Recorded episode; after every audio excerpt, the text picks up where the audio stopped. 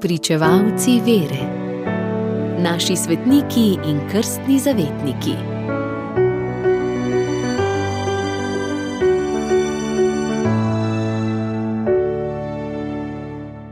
Današnji godovnjak nas uči. Ni namreč dovolj, da drevo živi in zeleni, sadu pa nima. Tako ni dovolj imenovati se kristjan in se za kristjana priznavati, ne pa imeti kristjanovih del. Je zapisal sveti Viktorin Ptujski, škof in mučenec, današnji godovnjak. Ptuj je najbrž najstarejše mesto na slovenskih tleh. Grajski grič je bil naseljen že vsaj 2000 let pred Kristusom, o čemer pričajo stara grobišča. V mesto je zgodaj prišlo krščanstvo, in poročila pravijo, da je bila tukaj že v tretjem stoletju škofija. Prvi znani in hkrati najbolj slavni ptujski škof je današnji godovnjak, sveti Viktorin. O njem na kratko, a zanesljivo poroča znameniti prevajalec svetega pisma, sveti Hieronim, v svoji knjigi o odličnih možeh. Tam pove, da je Viktorin svoje delovno in Bogu dano življenje sklenil z mučeniško smrtjo. Bil je izobražen in plodovit pisatelj.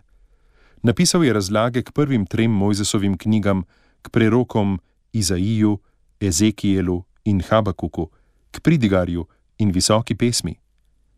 Razložil je Matejev evangelij in Janezovo razodetje. Njegova spisa o stvarjenju sveta in razlaga razodetja sta se ohranila v latinskem jeziku, čeprav sveti Hieronim pravi, da je Viktorin bolj obvladal grščino kot latinščino. Potem so nekateri sklepali, da je bil najbrž grškega rodu. Večina poročevalcev o Viktorinu pa je mnenja, da je bil domačin, vzgojen v grškem okolju.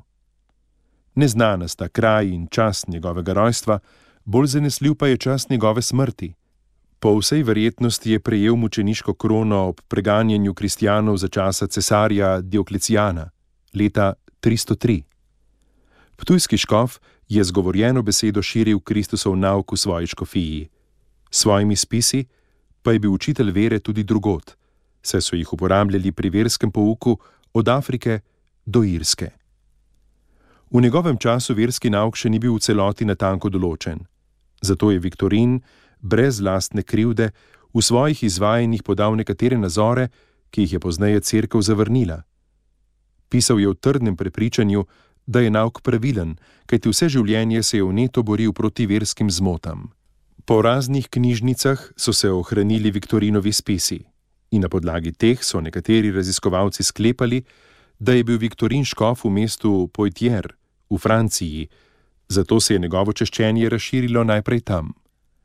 Pred dobrimi dvesto leti pa so znanstveniki dokazali, da je Viktorin deloval in za Kristusa z mučeništvom pričeval, v današnjem Ptuju. Tedaj so ptujski cerkveni in svetni gospodje prosili v Rim, da bi smeli tega svetnika v domačem kraju javno častiti. Toda brez uspeha. Šele blaženi škof Anton Martin Slomšek je leta 1848 dosegal, da se sme Viktorinu v Mariborski škofiji izkazovati javna čast pri bogoslužnih opravilih, pri maši in molitvenem bogoslužju. Radio Ognišče, vaš duhovni sopotnik.